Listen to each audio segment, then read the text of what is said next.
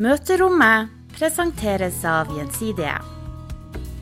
Velkommen til møterommet, rommet der Marie Brudevold og Line Marcelius samtaler med gjester om livet på jobb og verden utenfor. 2018 var det året konsernsjefen i Gjensidige Helge Leiro Båstad uttalte at han omtrent hadde vært mer meteorolog enn konsernsjef. Det var mye vær i begge ender av skalaen, både regn og flom og langvarig tørke. Det går utover både enkeltmennesker, landet vårt og forsikringsnæringa. Ja, hvordan påvirker egentlig klimaendringene oss, og hva kan vi vente oss i fremtiden? Til å svare på disse spørsmåla har vi fått besøk av klimaforsker fra Meteorologisk institutt, Hans Olav Hygen. Hjertelig velkommen til møterommet. God dag, god dag. Og I dag skal vi selvfølgelig snakke mye om været og klimaet som sådan. Eh, men aller først har vi noen faste spørsmål i podkasten vår, så jeg går i gang. Hva var den første tanken som slo deg da du så deg sjøl i speilet i morges? Nei, det, vet du, det husker jeg ikke. På, på den tida så er jeg ikke våken nok til å få med hva jeg tenker engang. Interessant. Eh, Hvis du kunne få nøyaktig hvilken jobb du ville, hva skulle det ha vært? Jeg vet at Da er jeg ganske nær der jeg vil være. Jeg syns det er så gøy å jobbe med det jeg driver med. Så ja, omtrent der er jeg. Så Godt bra. å høre. Det er, mange, det er mange gjester som er glad i det de driver med. Ja. Og hvis du kunne ha fått møtt hvem som helst, død eller levende, i denne verden, hvem skulle det ha vært? Oi, det er det store spørsmål. Jeg er jo fascinert av en del av de eh, vitenskapsmennene som har vært eh, før i tida. Så møtt på noen av de store der, altså Newton, Einstein, en av de, de her store navnene der. Eller Madame Curie kanskje, har vært veldig interessant. Det hadde blitt et festlig lag. Ja, altså Jeg vet ikke om alle utenom en del realfagsnerder hadde hatt det gøy, men vi hadde hatt det jævlig gøy. Kjempebra. Og så nevnte jo Marie innledningsvis at du er såkalt eh, klimaforsker, men jeg er litt sånn nysgjerrig på hvem, hvem er du egentlig? Nei, jeg er jo Kanskje noen hører at jeg er en utflytta trønder som eh, ble fenga av meteorologi i studiene. Tok en doktorgrad der, og så var det jakt på en jobb, og da fikk jeg en jobb på Meteorologisk institutt. Og ja, vi som jobber med vær og sånt, vi er jo glad i å være ute, så det er jo mye ski og orientering på fritida. Og på Meteorologisk institutt så ble jeg da pensa inn på vær og klima, og ikke minst hvordan dette virker på samfunnet rundt oss. Og der er det en ting som aldri slutta å fascinere meg, det er hvor dypt været påvirker livene våre i, i det hverdagslige, egentlig.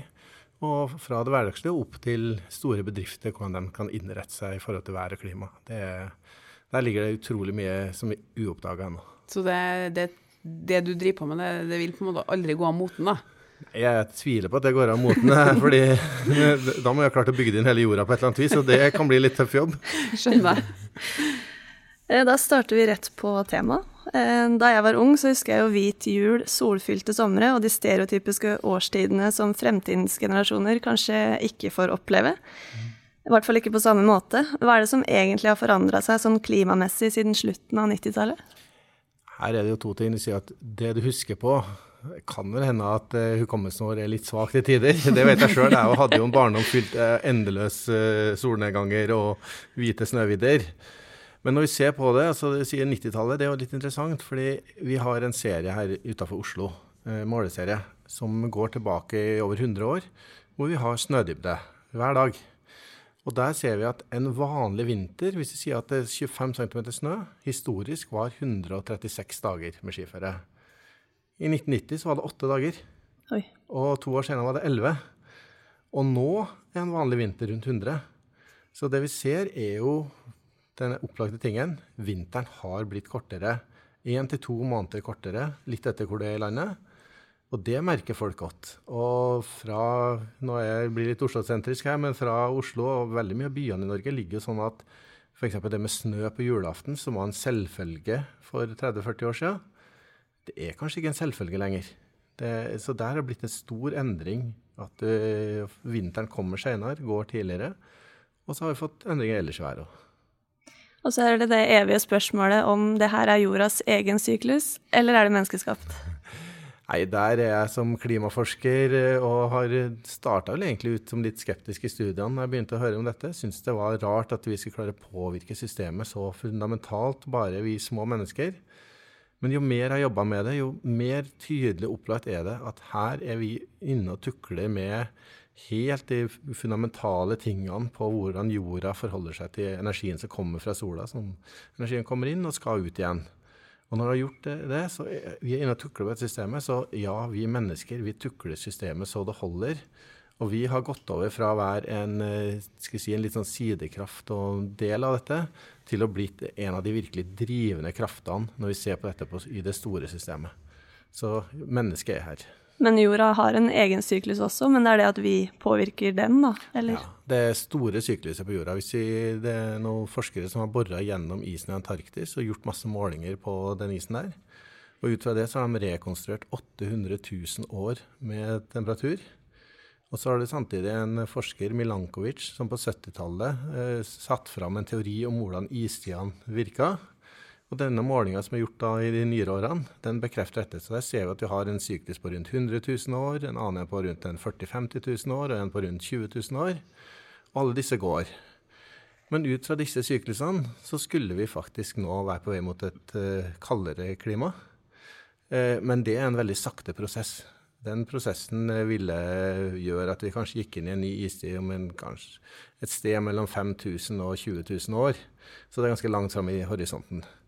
Istedenfor så ser vi nå at eh, temperaturen på jorda stiger radikalt. Det går ekstremt oppover.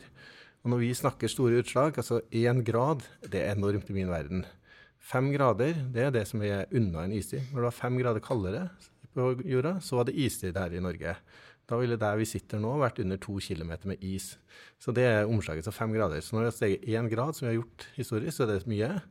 Og vi ser, når vi ser framover, at vi kommer til å stige et sted mellom to og seks grader eh, jordas temperatur. Så det er ganske store utslag. Og det skjer raskt. Det skjer i løpet av liksom et par hundre år til sammen. Så det det vi ser som er litt skremmende.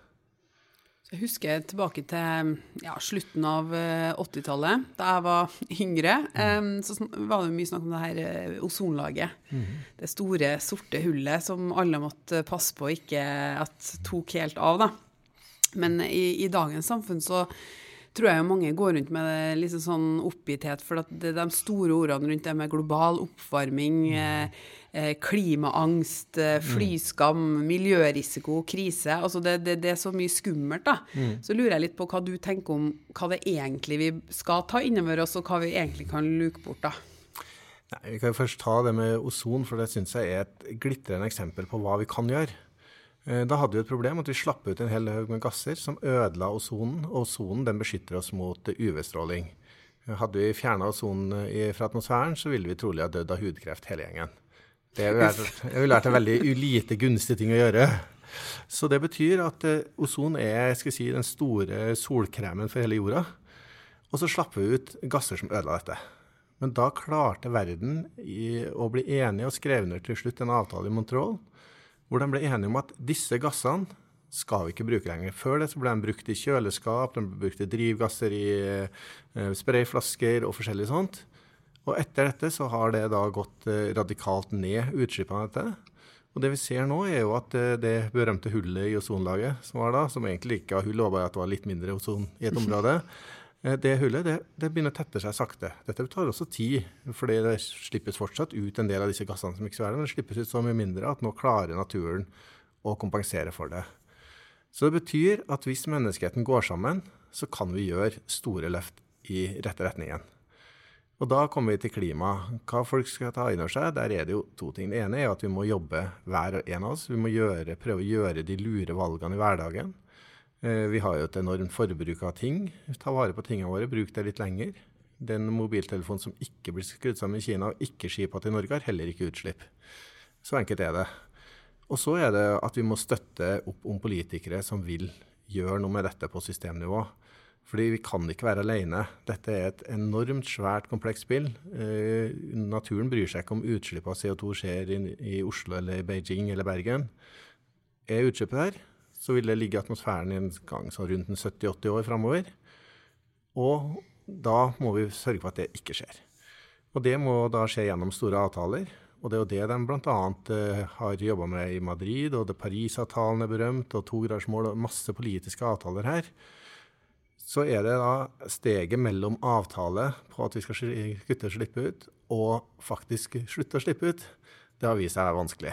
Ja, for Apropos, du nevner jo Parisavtalen. Mm. Eh, det vi har forplikta oss til der, eh, det er vel 40% mindre klimagassutslipp innen 2030. Men mm. er det noe realisme i det? Hva, skal, hva, tenker du? Det er store ord, da, men det mm. litt annet litt det her. Vi er veldig flinke på å inngå disse avtalene. Vi setter opp intensjoner. Vi har også et vedtak i 1990 om at vi skal stoppe norske utslipp på 1992-nivå. Og det Eh, det, vi får si det sånn, eh, vi skal ganske mye ned for å komme ned til 1992-nivå. Eh, slik at det finnes masse politiske vedtak opp igjennom. Og så er det handling som må til. Men der syns jeg også at det er veldig interessant nå å se at nå er det ikke bare politikerne, men også næringslivet har virkelig begynt å snu. Det er fortsatt mange som tjener mye penger på olje og gass, og det kommer til å være en stund framover.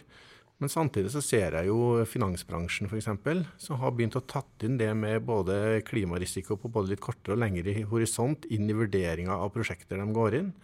Slik at eh, det at folk begynner å få et bevisst forhold til dette, det syns jeg er veldig viktig. Og så er det om da folk skal føle skam og angst og alt sånt. og Jeg er ikke helt sikker på om det er det vi trenger mest. Vi trenger mer folk som føler lyst til å gjøre noe, som føler en tenning, en handlekraft til å komme i gang og ta tak i disse løsningene. Og jeg er helt overbevist om at det finnes masse, masse gode løsninger der ute som ingen har oppdaga ennå. Så da er det bare å finne dem. Og finner dem den, så blir du enten genial eller rik, eller kanskje begge deler.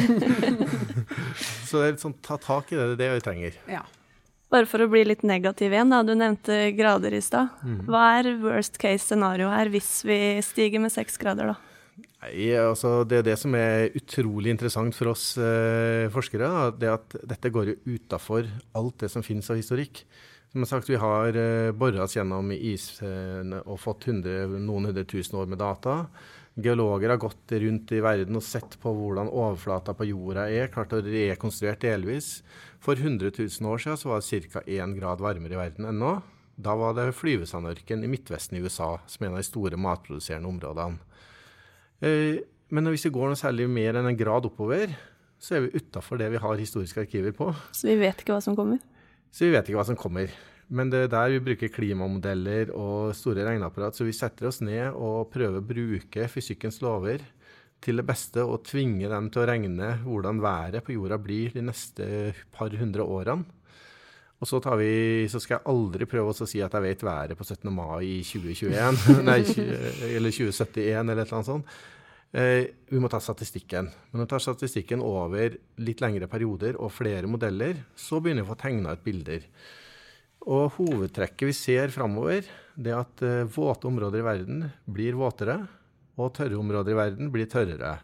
Sahara f.eks. er et tørt område. Der vil det trolig få en ørkenspredning i utkanten og bli større. Og det er også snakk om ørkenspredning nord for Middelhavet. Men mens våtområder, Bangladesh f.eks., er et område med masse elver. De får mer vann og får mer oversvømmelser. Og så havet stiger og sånn. Så det er mye effekter vi kan se videre her. For å komme litt inn på vår egen bransje, da. Vi forsikrer jo oss mot uforutsette hendelser. Mm. Men de klimaendringene her er jo spådd, og det blir mer ekstremvær og mest sannsynlig flere skader. Mm. Og da er det kanskje ikke så uforutsett lenger heller. Eh, hvordan tror du klimaendringene vil påvirke forsikringsnæringen? Hva er det vi må ta høyde for når vi designer nye forsikringer her i Norge? Ja. Nei, Du er jo inne på det. Eh, altså, vi, I motsetning til all annen fortid i menneskeheten, så vet vi faktisk litt om hva framtida bringer. Og da er jo et spørsmål hva er uforutsett. Eh, I Norge, hvis vi ser litt isolert på Norge, så ser vi jo at eh, det som trolig gir oss største utfordringer, det er nedbør. Kraftige nedbørhendelser. Brutale byger som kommer og gjør skade for en halv milliard og forsvinner igjen. Og dette skjer i løpet av et døgn. Eh, de må vi ta inn over oss. Og Da er det jo viktig at uh, forsikringsbransjen tar det inn over seg i sine vurderinger av prosjekter som er der ute. Sammen som jobber sammen med besluttende myndigheter, kommuner og tilsvarende, som stiller krav om at vi bygger bygg som tåler dette. At vi bygger uh, håndtering av overvann, sånn at vi leder vannet vekk fra de sårbare kjellerne og ut i mindre sårbare områder. Så det er en ting vi må ta av oss. Men så ser vi også at det ligger noen overraskelser på lur. Vi hadde jo sommeren i fjor i frist i minne. Plutselig så var eh, hele Norden eh, en svær tørkeområde og bønder som mister avling, og du får brann og skogbrann og store problemer med det. Så det er noe vi ser også, at variabiliteten og variasjonen mellom de ulike årene blir nok heller større enn mindre i årene som kommer. Og det må man ta høyde for, og det er nok vanskelig å ta høyde for. Så Marie var jo inne på det med eh, at du forsikrer deg mot det som du ikke vet skjer. Altså Det er en mm. viss risiko, da. Og det er det vi lever av, å spå den mm -hmm. eh, sannsynligheten for den risikoen. Mm. Men så vet du at eh, konsernsjefen vår han er jo veldig opptatt av at det er et stort potensial i de dataene som forsikringsbransjen sitter på, mm. men som i dag er litt sånn litt lukka. Eh, hva tenker du om liksom, det der at vi, vi, bør åpne opp, sånn som han eh, sier, da, han har en sånn fast spalte hver mandag, at vi, vi bør dele mer, men det er også reguleringer som skal til. Det er ikke ja. bransjen alene da, som skal drive det. Nei, Der synes jeg jo, der har Finans Norge vært eh, virkelig framsynt og fått eh, kjørt et pilotprosjekt med samle så har vi begynt å sette på potensialet. Og før de gjorde det, så snakka vi som jobba med det, som jobber med Inspekten, at eh, hva er det vi trenger mer informasjon om? Vi trenger mer informasjon om hva som faktisk skjer. Kommer det en kraftig byge i Oslo, så trenger eh, Oslo kommune informasjon om hvor denne bygen har havna, og hva er følgeskadene av det. Vi, vi, vil gjerne samarbeide både med vi på klimaforskning som ser liksom hva er de store byggene, prøve å vite mer om samfunnssårbarheten. Men også de som jobber med værvarsling, ønsker å vite dette. Så de initiativene som skjer der nå rundt forsikringsbransjen Først er det vel helt unikt at Norge klarer å gjøre det i en verdensmålestokk. Klarer å samle på tvers av konkurrenter, og det er jo direkte konkurrenter. Så det er jeg imponert over at de klarer. Og så er det som sier, det er mye reguleringer som måte. Det må gjøres på et skikkelig vis, og det er mye personvern og masse som ligger i dette her. Men eh, at det ligger et stort potensial i å forstå samfunnets sårbarhet mer gjennom det vi vet om skader som skjer, det er det ingen tvil om. Så jeg syns det er helt fantastisk at det har begynt å bli en åpenhet. Og så må det gjøres eh, passe raskt og kontrollert, sånn at det ikke får noen utilsikta følger for noen. Men at vi jobber da, forsikringsbransjen sammen med oss og andre på hvordan vi kan utnytte den informasjonen der til å skape et bedre samfunn sammen, det syns jeg er helt supert. Det er godt å vite at vi gjensidig er villige til å bli med på det, da. Mm. Og bare for å gå liksom inn på en litt spesiell type skade, da. Mm. Styrtregn. Jeg vet ikke om du har et personlig og nært forhold til det, men selv meteorologene sliter kanskje med å fors, eh, liksom spå de lokale fors forskjellene. Og som eh, mossianer jeg, jeg, er jo ikke mossianer, for det, hvis du bor i Moss Jeg er ikke født i Moss, men jeg bor i Moss. Eh, og f.eks. i fjor da, ble mm. Fredrikstad hardt ramma av mm. såkalt lokalt styrtregn, mens i Moss så var jo ikke skadene på langt nær så mm. Ille. og de, Det er jo to byer som ikke ligger så langt unna hverandre. Eh, hva tror du om den utviklinga av sånne type nedbørs... Eh, altså, er det mulig å spå det på centimeteren, eller er det bare sånn vi må forvente? Altså det, vi, vi, tar av og til fram litt sånn bilder av en kjel. Du setter på en kjel og koker vann. Og så skal, jeg, så skal, du bare prøve å varsle hvor er den første store bobla i den kjelen kommer. altså, det, det, er det vi prøver å gjøre når vi varsler her. Så det betyr jo at vi aldri og det vil jeg påstå at vi vil aldri klare å ha dette eksakt på meteren. Eh, men det betyr ikke at vi ikke skal prøve.